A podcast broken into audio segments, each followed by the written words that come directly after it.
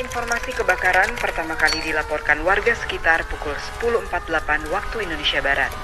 Penyebab kebakaran diduga karena korsleting listrik di salah satu rumah.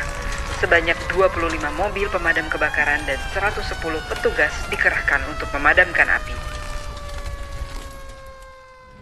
Saya berasal dari Simpruk, Jakarta Selatan.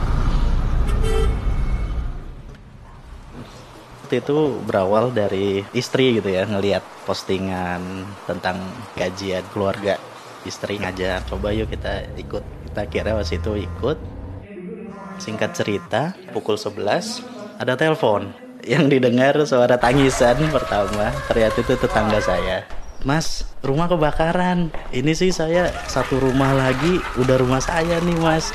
Sok pasti gitu ya. Terus saya coba menenangkan diri, sedangkan rumah saya nempel sama dia. Artinya saat itu rumah saya yang sedang terbakar gitu ya. Dari situ istri saya hubungi, kamu sabar, sekarang jangan hubungin siapa-siapa, kita ke sana.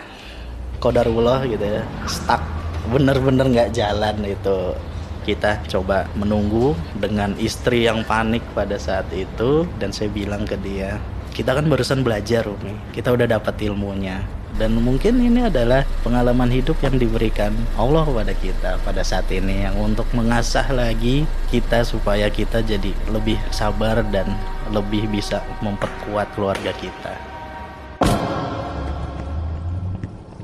Sampai keluar gedung itu jam satu kurang gitu ya.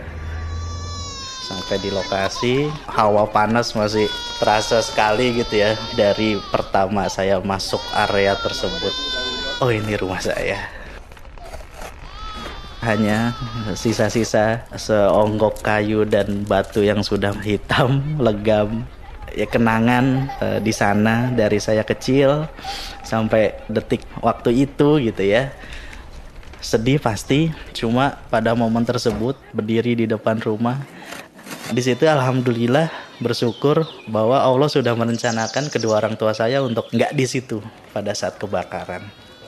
Mungkin rumahku waktu itu tertutup, terkunci, tapi pintu surga insya Allah masih terbuka di kedua orang tua. Ustaz Zunda kalau nggak salah kan bilang bahwa obat dari musibah itu kan sebenarnya keyakinan bukan healing, bukan entertain, bukan kesenangan dunia lainnya. Allah menjelaskan bahwa Al-Quran itu sebagai kabar gembira bagi orang yang beriman. Kalau kita yakin dengan janji-janji Allah, yakin bahwa apa yang menurut kita buruk itu sebenarnya belum tentu gitu ya bisa jadi itu yang terbaik karena Allah yang maha tahu sedangkan saya nggak tahu apa-apa yakin bahwa Allah itu puter dunia ini gitu kadang kita di atas kadang kita di bawah yakin bahwa Allah itu kalau sayang kepada sebuah kaum pasti kaum itu akan diuji gitu. ولنبلونكم بشيء من الخوف والجوع ونقص من الأموال والأنفس والثمرات وبشر الصابرين Ya saya coba berharap bahwa ini ujian yang mengartikan bahwa Allah sayang sama saya dan keluarga. Yakin bahwa jangan kalian berpikir kalian akan masuk surga sebelum kalian diuji seperti umat-umat terdahulu. Karena ya pahalanya besar gitu surga yang harus ditempuh dengan kesabaran.